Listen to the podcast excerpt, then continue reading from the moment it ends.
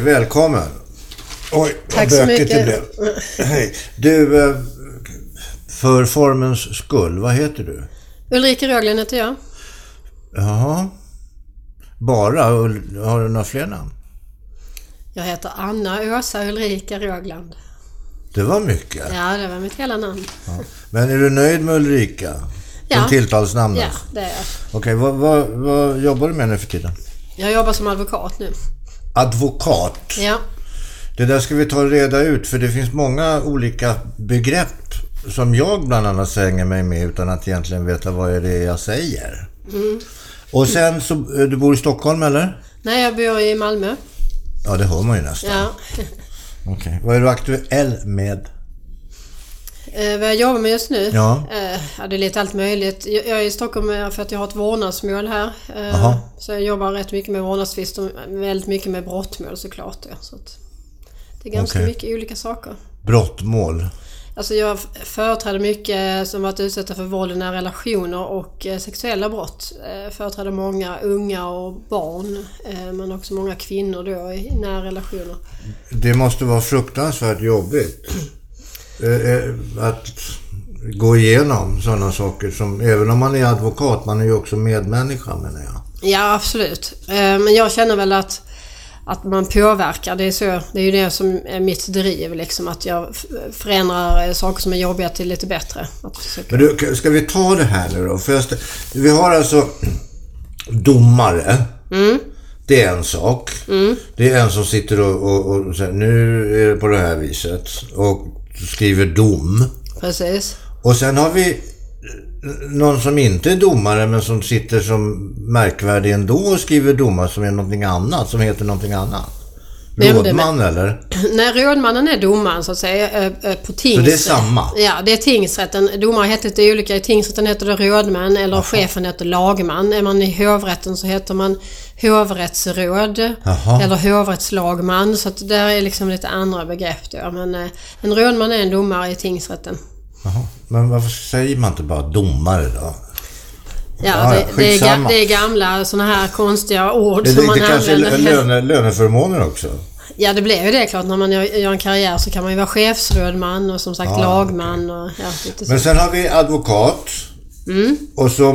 Eh, och advokaten är den som försvarar, eller? Nej, det kan man vara. Eh, en advokat eh, företräder ju någon och det kan antingen vara att man företräder någon som är misstänkt för brott. Då är man en försvarsadvokat.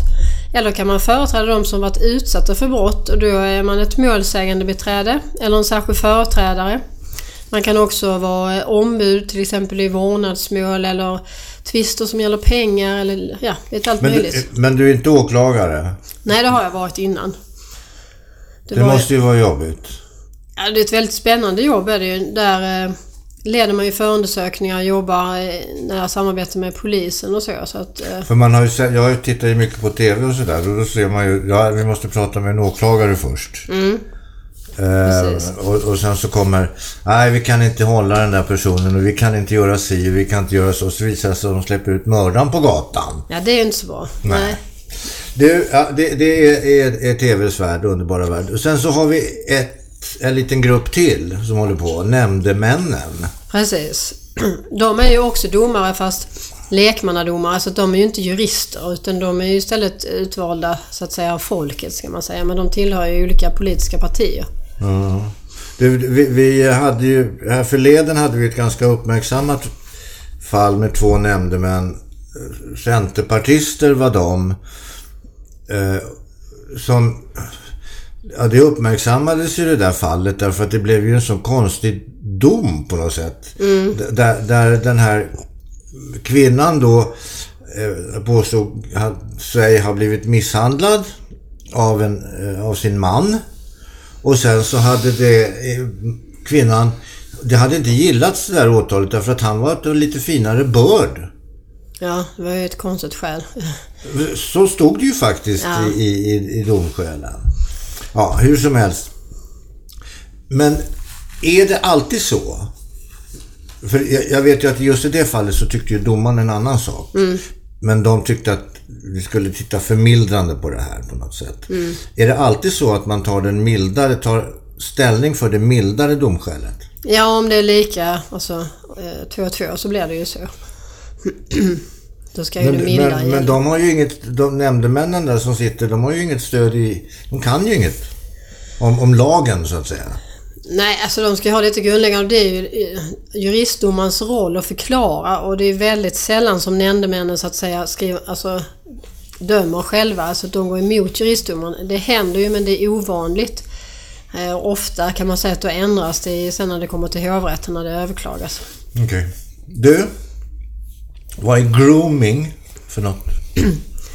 Alltså grooming det är när eh, en eh, Alltså någon person, en förövare, tar kontakt med unga, eh, ungdomar eller barn eh, på internet är det oftast, det behöver inte vara det.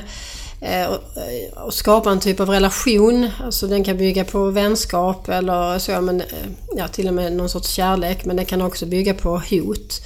Eh, och syftet med det är att man ska få de här barnen att göra sexuella saker, skicka sexuella bilder, att göra sexuella saker med sig själv. Ibland så bestämmer de här förövarna möte med barnen också genom att låtsas att vara en jämnårig eller att eh, ja, de kan också säga att de är den de är och ut, alltså, begår sexuella brott när de träffar dem också. Så att det kan se ut på lite olika sätt men syftet med grooming det är just att de här barnen och de unga inte ska berätta för att de får barnen att göra vissa saker själva som man skickar en, en sexuell bild eller eh, gör något sexuellt med sig själv. Kanske för att man tror att den är jämnårig. Och då berättar man inte sen för man skäms för man tycker att man själv har en del i det som har hänt. Fastän Ja, just det. Så det är Jag har ju själv barn i, i lämplig ålder för grooming. Mm. Eh, en kille på eh, 11. Mm. Och han, figur, alltså han figurerar ju på Instagram och sådana där saker. Mm. Och ibland undrar man ju vad det är, vad är det här för folk som tar, som tar kontakt? Mm. Eller som, som går in och gillar bilder och sådär. Var- Vart ska det leda och varför gör de så?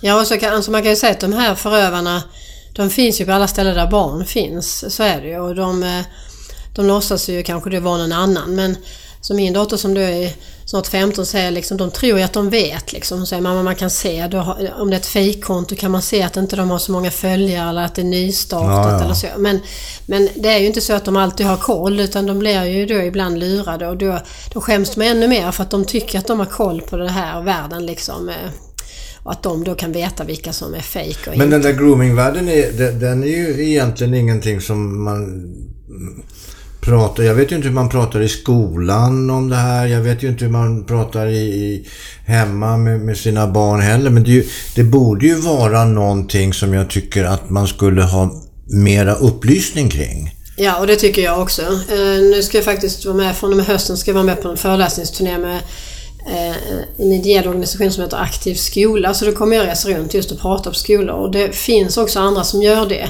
Men jag skulle vilja att det här var ett Eh, som fanns på alla skolor som ett obligatoriskt moment. Liksom, eh, att man hade mer sexualundervisning överhuvudtaget för barn och ungdomar behöver veta mer. Och i samband med det kunde man också ta upp det här och sen skulle det här vara någonting man pratade om egentligen varje vecka. Där man tog upp, är det någon, har ni stött på någon på nätet, på internet som har betett sig konstigt och vad kallas den här? Och sen kanske tillsammans då bestämma att, att man anmäler så att man så att man förstår att man utsätts för brott och att man inte är ensam. Du, det, eh, du, du har ju själv varit eh, aktiv i det här sammanhanget så tillvida att du har ju... Det finns ju en kille som heter, kallar sig för Theo Nilsson. Just det. eh, som aktivt var ute på nätet och, och, och raggade, får man kalla det så? Får man säga så? Ja, det kan man ju säga. Berätta, vad hände? Hur var det? Jo, men han gjorde ju så att han låtsades vara en, eh, en jämnårig person fastän han då var eh, i 30-årsåldern. Eh, och så kontaktade han barn. Han kontaktade ju barn som var så små som fem år så att det är väldigt unga barn också. Så, och, och då var de inne på en, en sida som heter Mommy då tror jag, som är liksom, ser ut lite som klippdockor som vi vet som hade det när man var liten. Men ja, som söta Barbie-dockor typ så de kan byta kläder på och göra dem till olika figurer och där var han en av dem. Och när barnen är i den här världen då tror de såklart att den de ser är någon i deras ålder. För det här är ju för barn. Ja, men, ja. men då låtsades han ju vara. Och i den här världen då har man ju också pojkvänner och sånt. Och då nästlar han sig in där och sen när han väl hade kontakten så började han då skicka sexuella bilder till dem och ville att de skulle skicka bilder till honom. Han skickade sexuella bilder på sig själv? Ja, eller, precis. Ja. Och det är ofta så, eh, alltså de kanske de ställer lite sexuella frågor. Och, Mhm. och eh, kanske först så säger de liksom att åh vad du är söt och kan väl inte du vara ihop med mig? Och, och sen kanske de, kan inte du ta av dig din tröja? Och sen kanske de skickar något på sig själva. Och, Men det där, i och med att det är på nätet så kan det ju vara ganska spritt över geografiskt, Ja. över hela, hela landet, över hela Europa i princip, hela, hela världen. Men Ja. eh, den här Theo Nilsson, var, var, var höll han på någonstans företrädelsevis? Det här, eh, alltså det, det utgick ju från Stockholm men eh, det var ju... Jag blev inblandad i det fallet eftersom det var över hela Sverige. Så att han kontaktade... Alltså det blev lite så de kontaktar ju de som... Alltså det blev så de skickar ut förfrågningar eller frågar väldigt många. Och sen av dem är det ju väldigt många som kanske då säger nej och sen så får man då en del som svarar och då kan det vara då att de är över hela landet. Liksom. Men är inte det svårt sen då när man ska liksom göra en utredning på det där? Det blir ju spritt över hela... Jo, det är det som gör att det blir komplicerat. Det är mycket resa kring. Ja, precis. Hur, hur ser polisen på det där då? För det, det, det där drabbar ju alla polisdistrikt. Ett fall drabbar ju samtliga polisdistrikt i hela, hela Sverige. Naturligtvis. Ja, nu har man ju börjat få lite mer eh, vana vid det eh, oftast men det är fortfarande lite beroende på eh, var det hamnar och hur man ser på det. Men när jag hade det första groomingfallet, eh, Alexandra-fallet som var 2005, då hade man ju liksom aldrig varit med om detta innan då blev det ju oerhört bekymmersamt eh, när man då skulle jobba över hela Sverige. Eh, för, för att när brott är på andra ställen, om till exempel gärningsmannen då är i Malmö som det var i det fallet och eh, man måste resa runt i hela Sverige. Då kan det vara så att man skickar till att andra poliser ska hålla de förhören på andra platser. Men då blir det inte särskilt bra utan för att det ska bli en riktigt bra utredning så gäller det att samma håller i det här då. Och eh, då, eh, då fick vi göra det och sen nu efterhand har man då förstått att det ser ut på det här sättet så där ofta blir det så att man samordnar det. För det är ju otroligt allvarliga brott. Men de måste ju vara otroligt komplicerade i och med att det blir sådana avstånd och det går tid på ett helt annat sätt än ett, ett brott som är då hemskt naturligtvis på sitt sätt men det är begränsat, geografiskt be- begränsat. Det hände på en bakgata i i Stockholms innerstad. Pang, då, då, är det, då är det det som har hänt. Men här händer det på varenda jävla bakgata inom citationstecken i hela landet. Ja, ja precis. Och det som gör det ännu mer komplicerat det är att de här barnen de berättar ju inte. Det är ju inte så att de själva anmäler eller säger till sina föräldrar så att de anmäler utan oftast upptäcker man det här i, alltså av en slump. Eh, man kanske tar in datorn av en annan anledning och så hittar man då en massa chattkonversationer på Skype eller något sånt där och när man tittar på dem eller hittar man massa bilder och så börjar man då gräva i det. Så när man kontaktar de här barnen då, eh, de förstår inte att de varit utsatta för ett brott. De tror att de själva har gjort något fel. Så därför blir de här förhören väldigt jobbiga för barnen för de har ju bestämt sig för att de inte ska berätta. Ja. Och så sitter man och läser upp deras privata konversationer och där de kanske skickat lite sexuella bilder och så blir det väldigt eh, svårt liksom.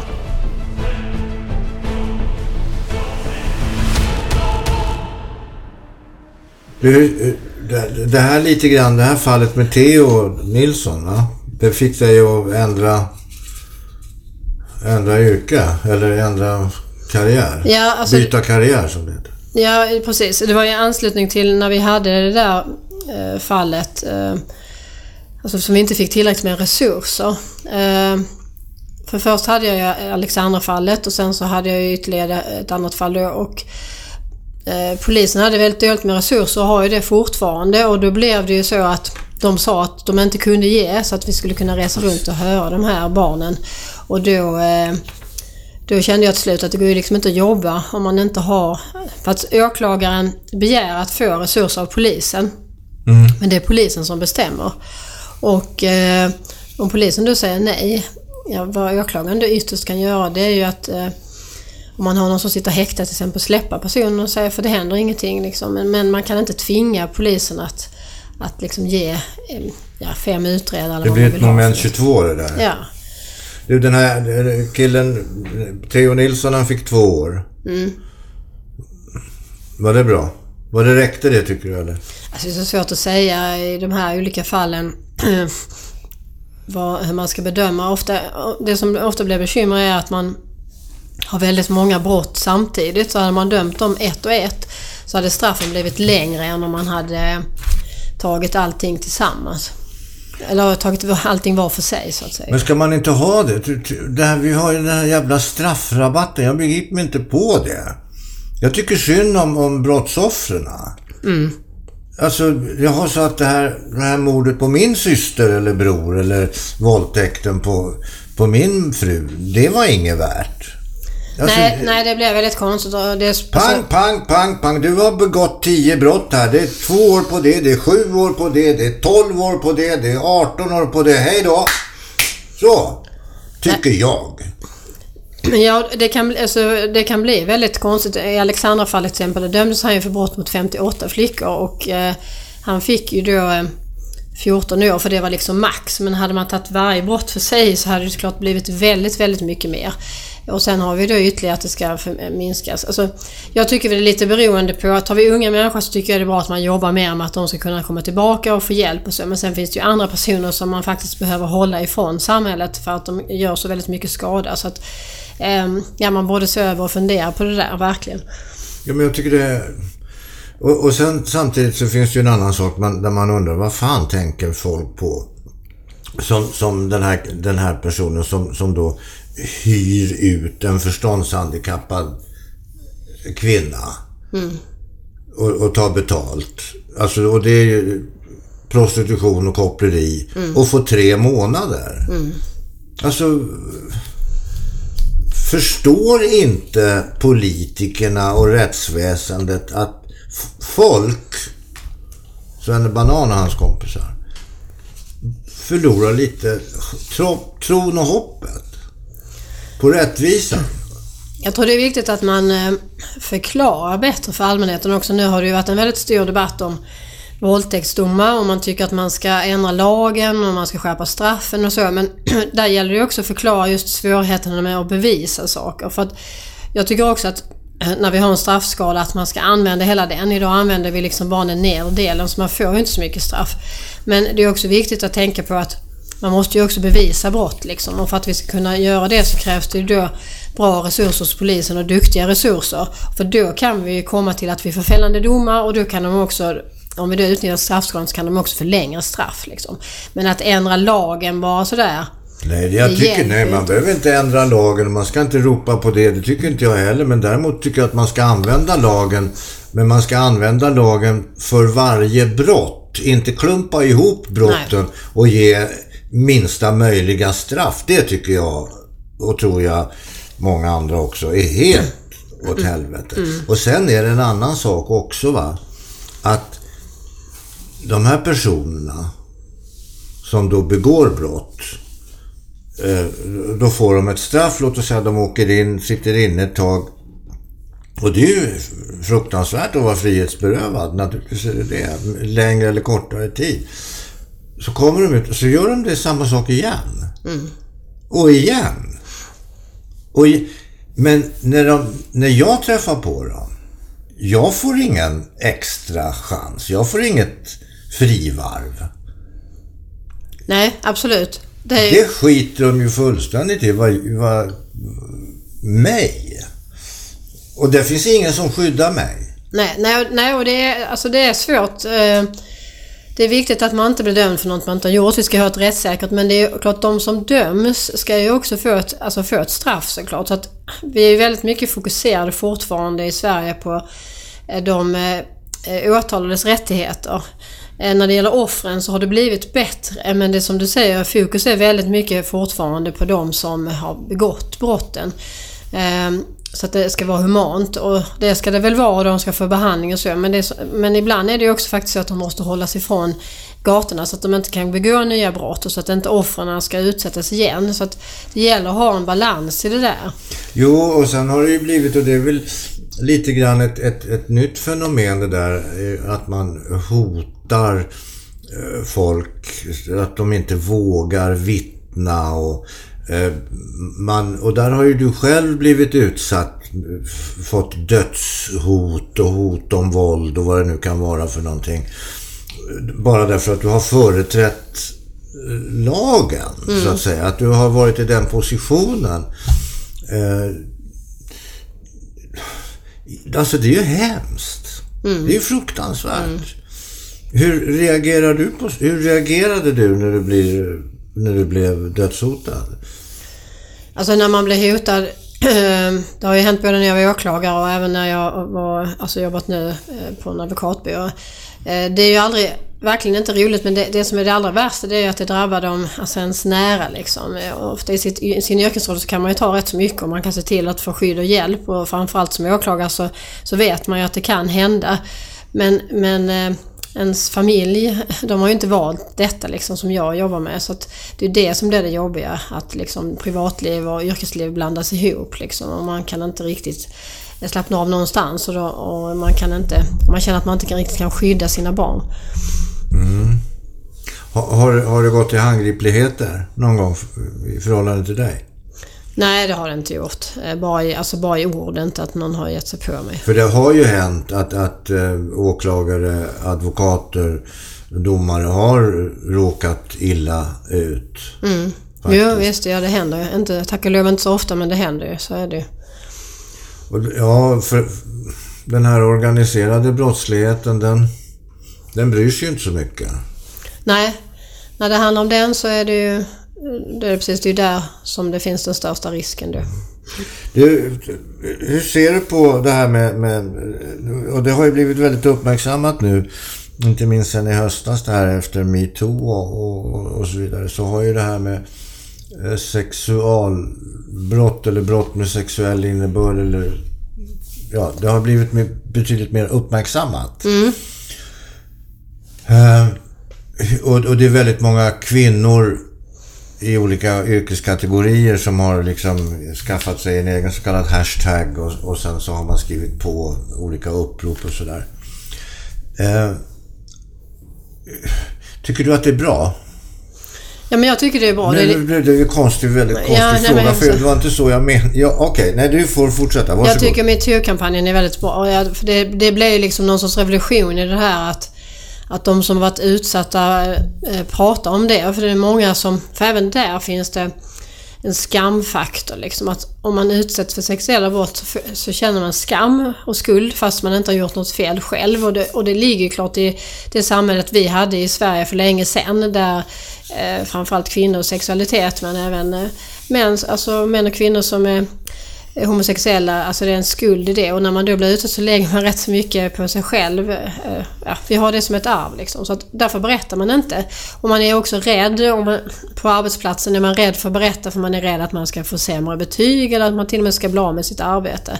Och när man då lyfter den här metoo-kampanjen så många går ut så blir det ju klart väldigt svårt för en arbetsgivare eller någon annan som har gjort så mot många att säga att det här bara är prat liksom. Man får ju stöd av alla andra. Så jag tycker det har varit väldigt Men, bra. Jag har naturligtvis ingenting alls emot den här metoo-kampanjen. Jag lyssnar gärna till eh, de här berättelserna och, och förstår det här på alla sätt och vis. Men vad man har glömt tycker jag i den här debatten. Man pratar om att oh, det är männen, de är så fruktansvärda och de har skuld och det är våldtäktsmän män och förövare allihop och, eh, och så vidare. Och så vidare. Ja, det må väl så vara. Och det kanske stämmer i många fall. Därför att män tänker på ett annat sätt eller inte alls. Eller beter sig på ett visst sätt eller inte alls. Men vi, vi, vi har ju det här som man inte... Och det, det är det jag saknar. Och det är den här filosofiska underbyggnaden. Den här eh, arvsynden som man har prackat på oss både på kvinnor och på män. Mm, mm. Och att vi har blivit påprackade att så här är det. Alltså att, att det, det, det, är, jag skulle vilja säga att det är otroligt mycket religionens fel. Att det har blivit som det har blivit. Därför att vi har ju redan från begynnelsen i vilken av Moseböckerna, det, det börjar ju där. Jo men det är klart. Och, och jag, Men, men det, det tar vi inte till oss utav menar jag. Nej, och det är ingen som blir... Alltså det är klart att det oftast är män som begår sexuella brott och så, så är det ju. Men, men jag ser inte någon fördel i att vi gör liksom männen alltså i grupp till skuld. Liksom. Utan jag är väldigt mycket för att man måste se till varje individ och till varje händelse. Sen finns det strukturer, precis som du tar upp, som vi har med oss en lång tid tillbaka. Liksom. Jag ända sedan Mosesböckerna och framförallt sedan bondesamhället där vi hade en speciell syn på kvinnan och på mannen. Liksom. Och det, det måste vi också eh, vara medvetna om och också se till hur vi ska göra upp med på något sätt. Vi, vi, Jo, ja, jo absolut. Men hade, hade, hade, hade det inte varit praktiskt så hade det inte heller förekommit. För hade det varit opraktiskt då hade det inte förekommit. men jag förstår inte, hur menar du med Jo, praktiskt? men alltså samhället på gott och ont och, samlivet på gott och ont, det tragglar sig fram genom århundradena. Och är det någonting som inte funkar, då elimineras det. Ja, det är sant. Funkar det, ja då tragglar man vidare. Eh, I vissa fall så funkar det inte alls och då emigrerar man till Amerika. I, i, I andra fall så funkar det hur bra som helst och så ble, var man glad i det och så, ble, så blev man kung över Sverige. Alltså, de delarna som inte funkar, ta- de, de växer bort av sig självt menar jag. Mm.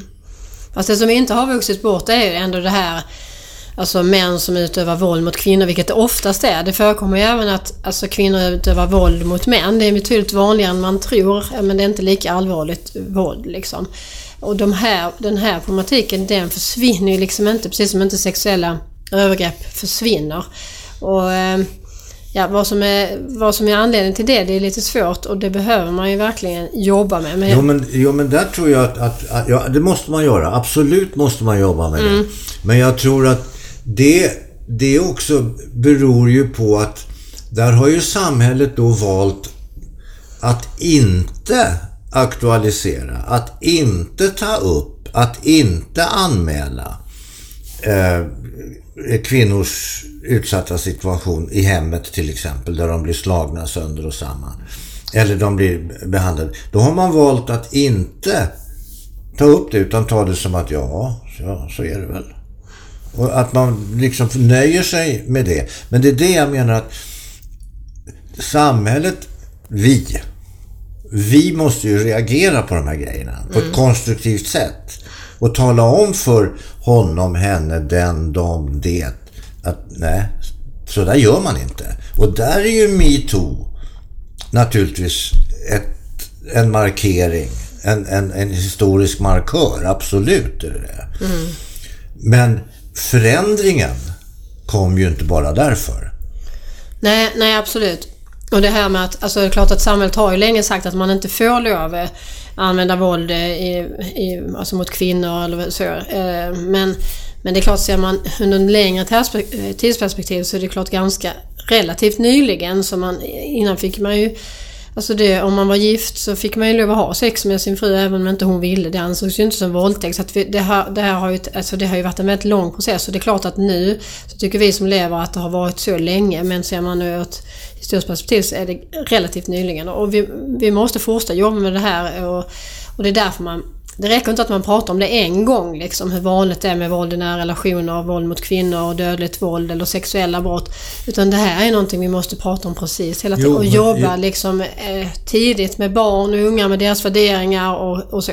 Så det är ju jätteviktigt att Jo man men absolut och det är ju precis det jag så att säga menar. Det Ja. tog till 2017. Det tog 2017 år från Jesu födelse eller vad vi nu har som tidsmarkör bakåt. Innan vi tog tag i den här biten. Innan man satte ner foten i metoo till exempel. Det tog över 2000 år. Så att vi ska ju inte tro att vi därmed... Jaha, då var det klart. Nu ger vi oss på nästa, Nej, nästa Nej det är klart inte klart. Nej, absolut inte. Det har du helt rätt det, det var bara en start på någonting. Och det är det som är problemet också om man tar till exempel sexuella brott.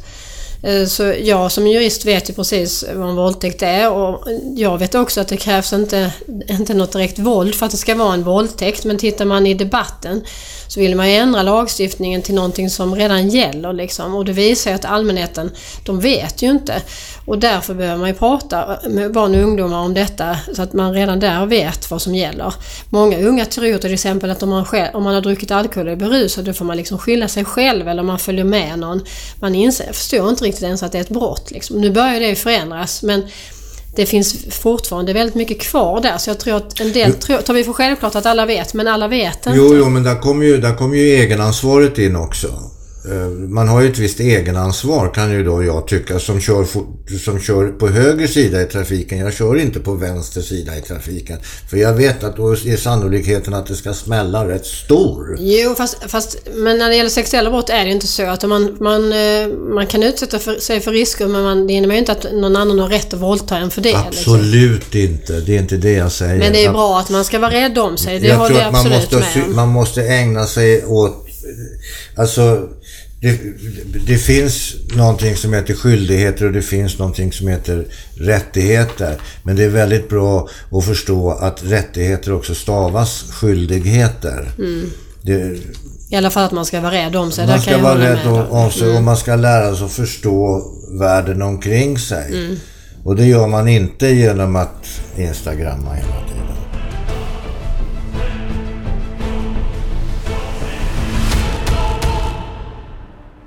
Har du själv blivit eh, trakasserad? Sexuellt trakasserad? Nej, alltså...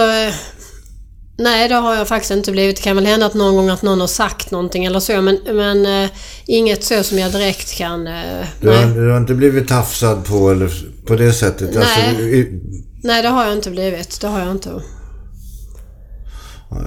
Vad, vad, tror du, hoppas du, vill du? För att polisen är ju överbelägg, belagd med jobb. Mm. Som det är. Och nu får de liksom 78 000 fall till som ska mm. utredas i, i, då, i kölvattnet utav metoo till mm. exempel. Mm. Funkar det? Kommer det att funka? Eh, Nej, det funkar inte just nu. Det gör det inte för allting tar för lång tid. Ja, det kan funka. Eh, den nya rikspolischefen har ju en stor uppgift framför sig för jag tror inte att det bara handlar om att tillsätta, eller jag vet att det handlar inte bara om att tillsätta resurser för man måste också strukturera dem på ett visst sätt. Man kan inte bara ösa in och säga att nu har vi fler poliser eller utbilda fler utan man måste verkligen se hur ska vi liksom arbeta? Till exempel som du sa det här brott som över hela landet. Vem ska ta hand om dem? Ska vi ha särskilda grupper som handlägger dem? Sexuella brott, då måste man ha tillräckligt många utredare som är utbildade som sysslar med det. Liksom. Så man kan inte bara slänga in en massa och säga att nu har vi mer resurser utan man måste verkligen sätta sig ner och se över hur de här ska användas. Alltså jag, jag, jag, tycker, jag vet inte vad folk tänker med om det är med arsle eller vad det är. Man säger så här, ja men nu säger man då från politiskt håll att nu ska vi utbilda 4000 poliser till. Mm. Ja, men man, hur lång tid tar det då? Mm. Jo, det tar lång tid. Ja, hur lång tid tar det? Och då kommer det ut nyexaminerade, utexaminerade poliser som kommer första dagen på jobbet och vet ju inte halv sju va? Nej. Nej, det är ett problem. Vad man borde göra, för jag vet att polisorganisationen har ju länge läckt så att säga. Duktiga utredare har ju lämnat och gått till försäkringsbolag och andra. Vad man borde göra det är att se till att höja polisernas löner. Att börja få tillbaka de här. Det finns till exempel om man ska vara barnförhörsledare, som man måste vara då man ska höra barn, då har man en särskild utbildning. Många av dem har lämnat, så börjar man att lokalisera var de finns och så se till att locka tillbaka dem till polisorganisationen. För man behöver ju få tillbaka de här som är duktiga och erfarna. Ja, man kan ju inte bara ersätta dem med, med, med, med liksom folk som inte vet vad som är bak och fram på mössan. Nej, nej det tar ju tid. Alltså man måste också få, det måste ju också få ta tid att bli en erfaren och duktig polis. Man kan liksom inte förvänta sig att... Idag är det många nyutexaminerade poliser som får ta liksom våldtäktsutredningar och sånt och det är inte rimligt. Alltså det är ju ett för stort ansvar för dem att ha. Och det gör ju också att då kanske man inte vill vara kvar för då får man göra saker som man inte riktigt mäktar med så att säga. Mm. Men hur, hur mycket kan man som politiker göra du har ju engagerat dig i politiken va? Ja, jag har börjat lite smått. Ja. Alltså, det är med en förhoppning att man ska kunna visst skriva artiklar och sånt också men kanske också få vara med i sammanhang där jag kan tillföra min erfarenhet. För att jag tror det, jag märker när jag pratar med andra politiker i Malmö att man vet ju inte hur det fungerar. Liksom. Man kanske du, man vill ha fler poliser eller man vill det här och sen...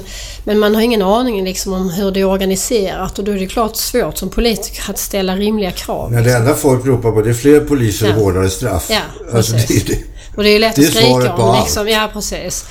Och ändra lagstiftning. Men det där är ju inte lösningen utan det, krä, alltså det krävs ju... men vi har väl en ganska bra lagstiftning? Ja, ja, absolut, det har vi. Men, men man vill ju gärna att den ska förändras nu och eh, att det ska bli en samtyckeslagstiftning. Men det kommer ju inte... Jag menar att egentligen har vi det redan. Man får inte ha sex med någon som inte vill. Alltså, det, så är det liksom. Du, du, så det här med att jobba, du jobbar för Liberalerna eller? Mm. Hur ser du själv på hårdare straff? Men, alltså jag tycker inte att... Eh, det är samma där. Det, blir lätt sådana här floskler man skriker inför val men det är ju inte det som är lösningen på något sätt. Och framförallt inte när vi då har en straffskala som vi inte använder. Det viktiga är att man börjar använda den straffskalan vi har. Och att man då ser till att vi har förundersökningar som är bra så att, man, så att de kan leda till fällande domar. Har vi inte det så spelar det ingen roll om det på pappret står att man kan döma till ett långt straff. Mm. Men, men, men eh, har du kommit så långt så att du kanske till och med om Liberalerna blir kvar och det går bra att du kommer in i riksdagen? Alltså, ja, den, det, för mig... eh, Alltså ur eh, mina privata skäl så har jag inte, skulle jag inte ha möjlighet till det nu ändå. Utan nästa val hade varit roligt om man kunde... Det hade varit kul att vara med i riksdagen någon gång, det tycker jag absolut. Ja, ja. Ska du bli justitieminister då? Ja, precis. Det gäller att sikta högt. ja. Du, det här med, med, det här med eh, straff och polisutredningar och allt vad det är. Varenda jävel som blir, blir åtalad nekar ju. De nekar ju bara hela tiden också, folk. Mm, de flesta gör ju det. De flesta nekar och sen är det upp till staten, det vill säga åklagaren, att bevisa att du, du, du har faktiskt gjort det här och vi kan föra det i bevis. Eh, nu vet jag att man gör inte så i Sverige, men jag, man, man förhandlar ju inte med en presumtiv brottsling. Nej.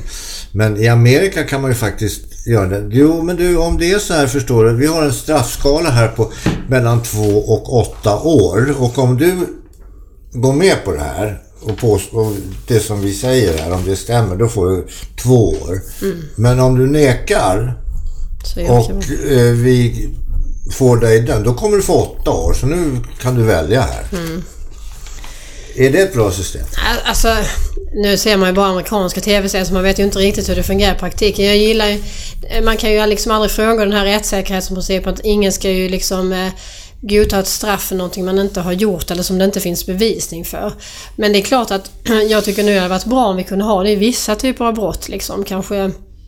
Vi har ju idag till exempel strafföreläggande och sånt för bötesbrott så det finns ju möjligheten till det. Men, men man kunde kanske också ha det när det gäller andra typer för det hade ju också gjort att man eh, Alltså den här belastningen på domstolar och polis och sånt hade minskat. Man kunde jobbat på ett annat sätt. Så jag tycker man skulle se över det och se om det var möjligt att använda det i vissa fall men inte alltid. Liksom. Men men lagrummet eh, och utrymmet finns ju. Ja, alltså det är bara att man skulle ge åklagaren... För det var, alltså domstolarna, domarna vill ju inte detta för det är lite grann att lägga på åklagaren att de plötsligt kan börja förhandla om straff. Och domstolarna är inte särskilt förtjusta i det här. Men jag tycker att man skulle få göra det till exempel om det kan ju vara då om man är misstänkt för en himla massa brott. Liksom idag, kan ju, alltså, idag har ju åklagaren den makten att man kan ju som man säger, förundersökningsbegränsa. Så man kan ju plocka bort en del om man tycker att man har att det räcker liksom med, att åtala för någonting. Och då kunde man ju lika gärna också tänka att man utvidgade det ytterligare till att åklagaren också fick förhandla med advokaten och den som var misstänkt om ett straff så att säga. Men nu ska man, ska man, och det verkar ju vara ett väldigt kännbart straff, det vill säga offentligheten. Ska man visa i TV alltihopa?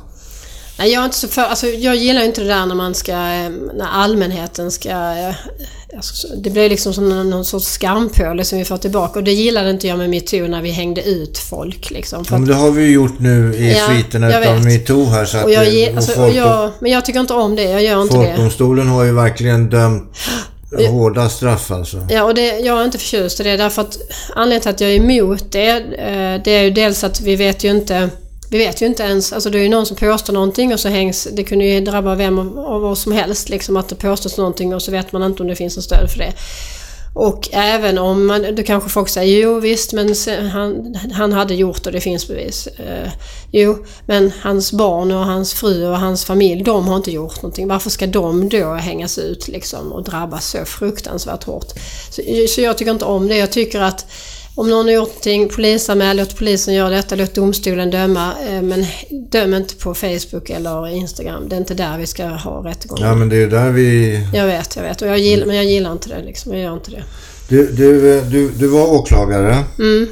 Eh, och du gjorde viss nytta där, vad jag har förstått. Ja, det hoppas jag. Ja. Ja.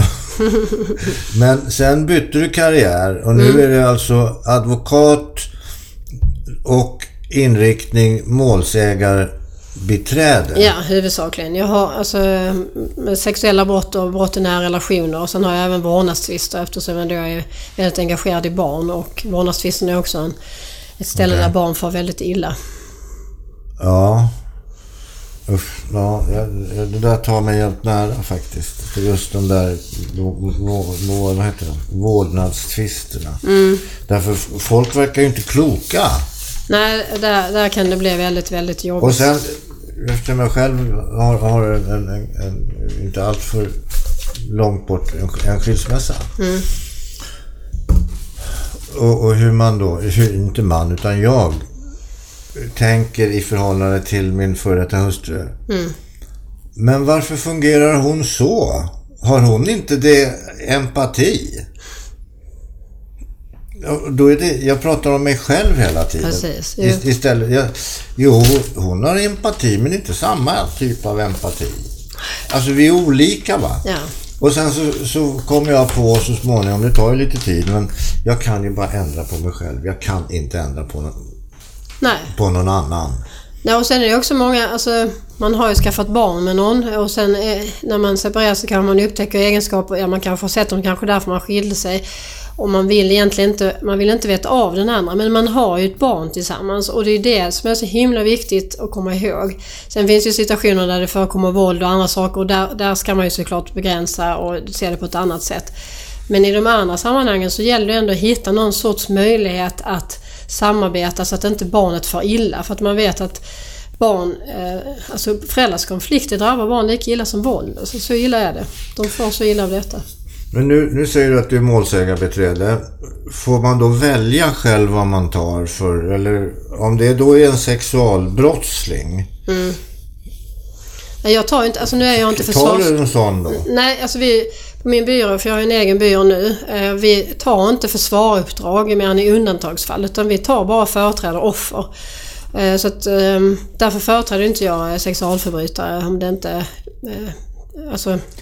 Utan det är ju någon, som har utsatts. vad, vad, vad mycket, vad mycket, har- mycket har ju kommit att handla om sådana här uppmärksammade fall. Mm. Och det är ju därigenom man blir känd Mm. ofta. Och vi har ju några flagranta exempel på så kallade kändisadvokater.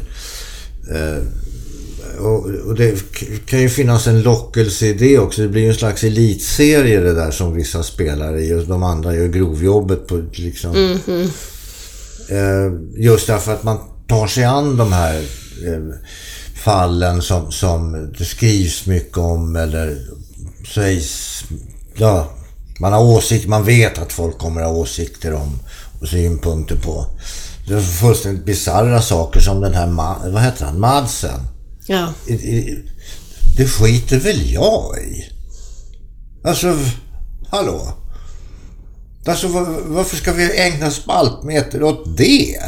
Nej, nej Jag precis. fattar inte. Nej men det är ju så, alltså allmänheten har ju ett väldigt intresse för det som är... Men de, har inte, de är inte ett dugg intresserade förrän tidningen talar om Nej, att jag sant. ska vara Det är intresserad. sant. Eller Det- TV eller Det är radio. helt sant.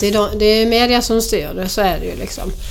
Ehm, nej, men när det gäller uppdrag, man kan säga så här att man väljer ju inte sina uppdrag. Alltså nu, om man då eh, förekommer i media som jag gör ibland, eller man är på något sätt, då kan det ju vara att folk kontaktar mig för att de vill att jag ska företräda dem och då, Ja. då får man ju dem. Annars fungerar det så att man är på en lista på domstolen som ska följas liksom och då ringer de och frågar om man vill ta vissa uppdrag. Så, att, så fungerar det så att säga.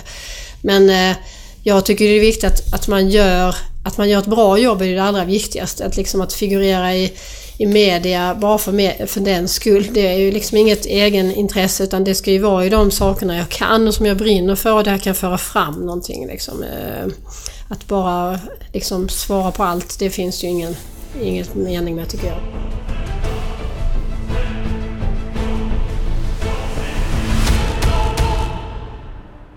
Du, något som har blivit eh,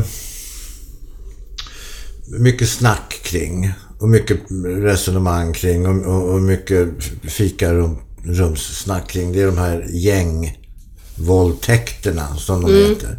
Och där har ju tidningen Expressen tydligen kunnat räkna ut på något sätt, jag vet inte hur, men att de flesta av dessa gängvåldtäkter begås av invandrargrabbar. Eh, är det någonting som som, är det på det viset? Men alltså jag, jag går liksom aldrig in i det heller, eller man går in men jag, den frågan är så oerhört komplex. För det fick jag ofta som åklagare om det finns en överrepresentation av invandrare och då frågar jag så. Vad menar ni då liksom? Mm. För att då tittar man ofta bara på namnet, om de har ett utländskt namn liksom. Men det kan ju vara många ungdomar som är födda i Sverige. Ska vi inte räkna dem som svenska då? Och, och när ska vi börja räkna dem? Om de har uh, permanent uppehållstillstånd eller... Alltså, så jag gillar inte det utan jag är inte Nej. särskilt mycket för att gruppera utan jag tycker om att säga individer liksom. Uh, så att jag, jag, vet faktiskt inte när det gäller de här... Uh, jag vet inte hur det är. Jag, jag tänker liksom ja, inte jag så. Jag skulle väl tro att man går på namn. Precis. Faktiskt. Precis. Och, och, det där är ju på samma sätt som att eh, folk eh, som bor i Stockholm påstår sig vara stockholmare. Mm. Det är de ju inte. Nej, nej. Tycker då ur-stockholmarna. Nej, nej precis. Då kanske man ska ha flera generationer innan man är en ja, stockholmare. Ja, det ska vara en jävla massa generationer. Det kommer ta lång tid för dig att bli stockholmare ja, med din precis. dialekt dessutom. Ja, just det. Ja. eh, är, är, är klimatet, eh, rättsmedvetande klimatet, är det gott i Sverige? Alltså, när det gäller vissa saker, men, men just som jag sa, sexuella brott så är det inte riktigt det. Utan eh, där skriker man efter någonting, tycker jag, som man redan har. Utan man borde istället eh, fokusera sina aktioner på någonting annat. Liksom. Att se till just att att ungdomar eh, får bra sexualundervisning, att de blir informerade. Eh, vi borde se på andra saker då än att skrika efter en strängare lagstiftning eller en annan lag. Liksom. Men det här med, med, med, att, att ungdomar är så utlämnade numera enbart till, till varandra. De ska uppfostra varandra. Vi har tagit bort väldigt mycket av ungdomsgårdar. Vi har tagit bort fritids. Vi tar bort eh, miljöer för ungdomar där det kan finnas vuxenstöd. Vi tar mm. bort miljöer där, det, där, där vuxna kan påverka kanske i en riktning om det är så eller notera att men hörru du, Kalle det där kanske du inte ska ägna dig åt. Det är inte någon framkomlig väg. Att, mm. Får vi inte lite grann skylla oss själva? Jo men alltså det är ju så eh, hela tiden för barn och ungdomar att det är svårt för dem att göra sin röst hörd. Liksom. Och det är klart att då tyr de väl sig lättare till varandra. Liksom. Och så är det även med metoo-kampanjen att den är jättebra men men barn som blir utsatta och ungdomar, det är inte de som går ut och skriker utan det är, det är vi vuxna som har varit utsatta, eh, är utsatta eller har varit. Men alla barn och ungdomar som har varit eller är utsatta, de är inte... Det var ju någon skola där de gick ut men i det stora hela, de behöver ju vuxenhjälp. Liksom. Så att det, det är precis som du säger, vuxna måste vara mycket mer närvarande. Och det gäller ju framförallt på internet just nu för att det är där är ju ungdomarna väldigt lämnade ja, Eller ska vi bara helt enkelt stänga ner internet ett tag? Eller delar av internet. Alltså nu finns det ju alltså jag, tror, det, jag tror det är en omöjlighet faktiskt att göra så. Men eh, jag förstår din ja, tanke. I vissa länder så verkar det ju funka ändå. I vissa totalitära regimer så verkar det ju funka där. Hallå, det, det finns inte. Va? Nej, nej, det är absolut. Eh, ja, det har ju sprungit iväg så vi har ju inte koll på det. Det kan vi säga. Att man, eh, för det vet ju, alltså det vet ju för flera år sedan när Eh, Eh, i skolan liksom, eh, alltså på fritids och sånt. Och, för, och det är ju säkert så fortfarande för barnen vissa stunder gå in och spela spel på datorn och det tycker, personalen tycker det är rätt så lugnt för då sitter man ju framför en dator och det verkar jättebra men eh, de har ju liksom inte informerat om riskerna som kan vara där att alla personer som är där kanske inte är de de ser ut att vara och, och de kan ju utsättas för övergrepp på skolan då eftersom de är liksom uppkopplade. Jag har liksom inte fattat det där riktigt, hur, hur, hur stort det där är. För min son han spelar något spel. Jag vet inte vad det heter och det spelar man även online. Mm. Och då helt plötsligt kan han säga, jag, jag spelade med en från Tyskland. Just det. Mm. Va? Ja, ja precis. kommunicerade, ja vi pratade engelska. Men då är man ju, det är ju rätt läskigt egentligen. Ja, det är både läskigt och roligt. Alltså, en vuxen son han spelar mycket och han, han lärde sig vissa kinesiska ord för då i spelet kunde man låtsas att vara kines. man kunde liksom, så det är klart och han är grym på engelska min son. Men, men eh, det är också risker med det. Eh, så att det är klart att eh, jag tror barn och ungdomar de blir inte informerade om de här värdena. Eh, vuxna innan kunde ju mer lära barnen vad som gällde men nu är de i en värld där vi inte är. Och som du säger, man inte känner till än så då är det lite svårt att utbilda dem om det. Utan det blir ju de som gör det själva och liksom utsätts. För jag, jag anser mig själv vara ganska allmänbildad.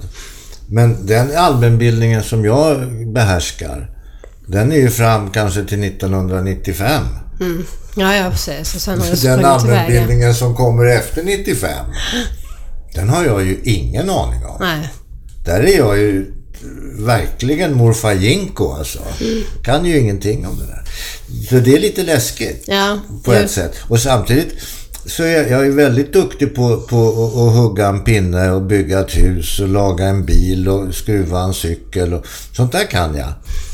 Men när det kommer till det som gäller idag, där är jag helt värdelös.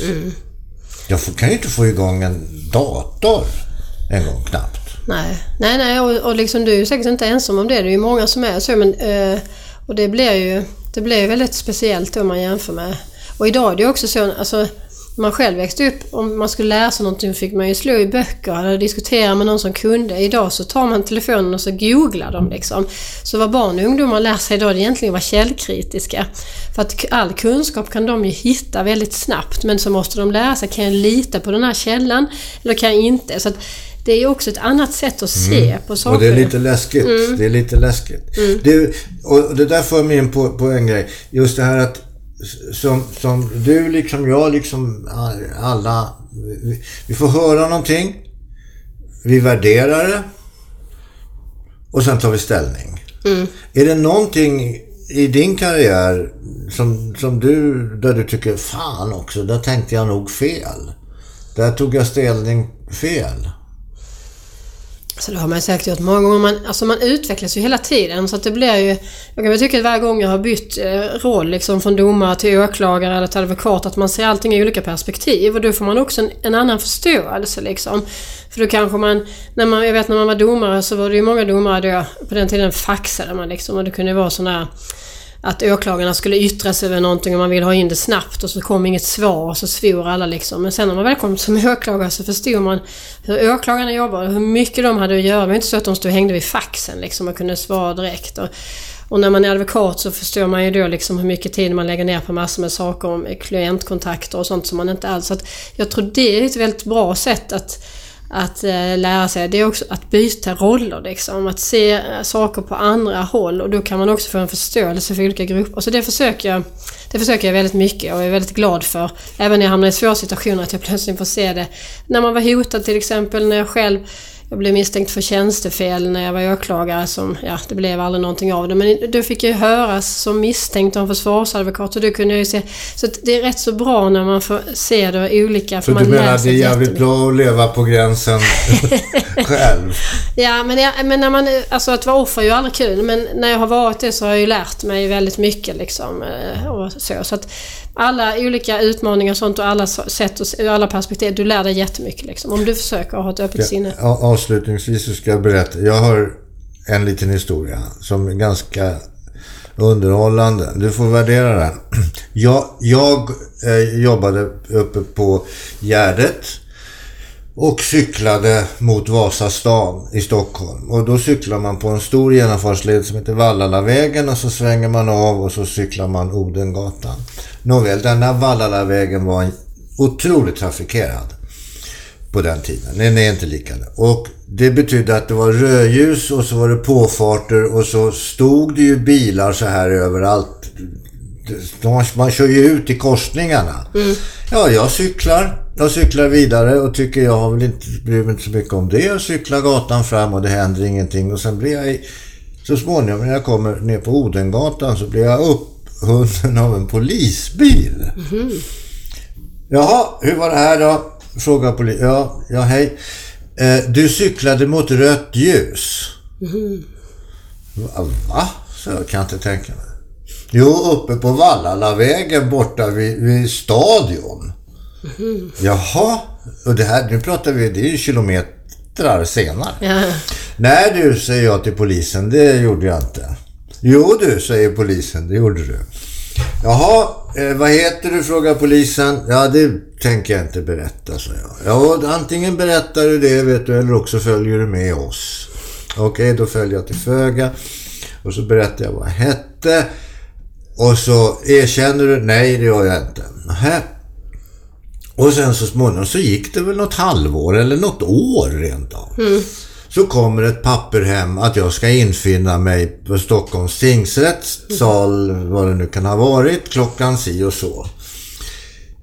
Jaha, tänkte jag. Jag jobbade på den tiden på Pistolteatern och vi hade en rullstol nere i källaren. Så att jag engagerade min gode vän eh, Björn Walde som eh, hade studerat juridik och eh, du Björn, du får vara mitt ombud. Och så rullade vi iväg till tingsrätten och det är ju en jättetrappa upp. Mm. Och där kom man inte upp. Så jag, Björn fick gå upp, säga åt vaktmästaren. Vi fick gå runt, vi fick ta hissen upp och så vidare. Sen blev det då så småningom eh, in i rättssalen och då, jag sitter ju sådär i rullstolen och har en liten pläd över knäna. Och ser oerhört ämlig ut. Och kommer in och då tittar ju, då satt domare och så satt det väl två till kanske. På varsin sida där. Det var mm. inget större mål det här. Nej. Jaha, eh, säger de. Och det var det här då emot Fylking som har cyklat mot rött ljus. Nej, säger jag. Jo, säger de. Kallar in ett vittne. Jaha. Nämligen den här polisen. Jaha, det var han som vittnade. Jaha. Och då så, ja, och då så säger polisen, du är smart, det är ingen dubbskall. Då säger han så här, för jag frågar, hur fan kan du veta, känna igen mig? Eh, jag känner inte igen dig. Men hade det inte varit så att det hade, inte hade varit du, då hade du inte suttit här nu, sa han. Jaha. Jag nekade och jag, hela mitt försvar var ju uppbyggt på att jag var satt i rullstol. Jag kunde att jag inte hade kunnat cykla överhuvudtaget. Jag blev dömd ja. mot mitt nekande. Fick böta 100 kronor. Normalt fick man böta 200 kronor för att ha cyklat mot rött ljus. Men jag fick nog straffrabatt eftersom det ändå var lite synd om mig. Och att de förmodligen hade haft lite roligt. Ja, ja.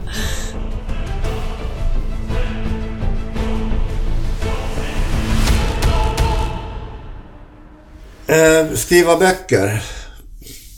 Mm. Är det något du är bra på?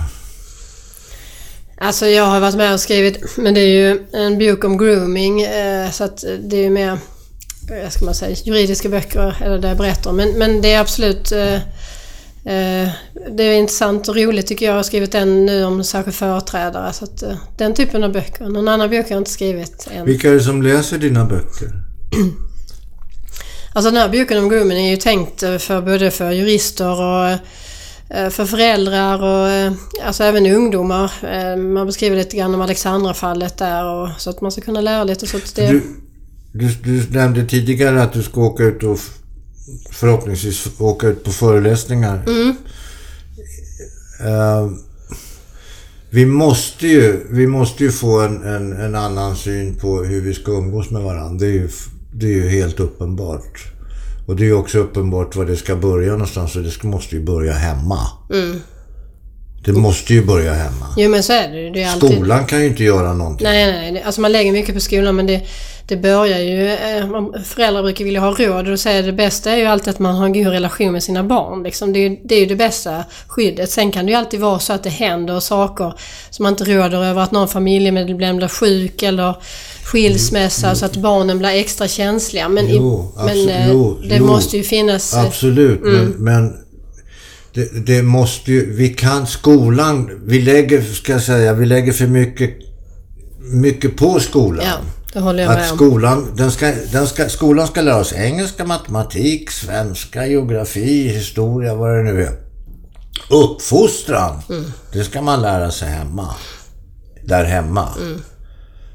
Och sen vet vi också det, och det har väl du också förstått, att skit, det rinner neråt. Okej, okay. Avslutningsvis Ulrika, är det något du vill fråga mig om? Eh, ja, eftersom vi, då kan det vara roligt att bolla tillbaka det här med metoo-kampanjen om du tycker att det har påverkat dig på något sätt? Ja, det har det. På flera sätt faktiskt. Mm. Eh, eh, dels så har det påverkat mig därför att eh, jag, jag, tycker att det är bra att hela den här debatten, diskussionen har kommit upp till ytan, så att säga. Samtidigt så har den påverkat mig på det sättet att jag tycker att det är rent förjävligt hur eh, de här pressens hyenor har kastat sig över de här människorna som då har, har, har blivit drabbade, dömda av den här folkdomstolen. Det gillar inte jag. Nej. Men jag tycker att man ska ha en, en sund och, och bra diskussion och debatt. Och visst, som många kvinnor vittnar om att de har blivit eh, antastade, de har blivit felaktigt behandlade karriärsmässigt, de har blivit utnyttjade, en massa saker. På samma sätt så kan jag ransaka mig själv. Vad fan har jag gjort? Mm. Och det blir ju på det sättet en, en, en självklart en väckarklocka. Mm. Okej, okay. tack. Du, tack. Ja, tack själv.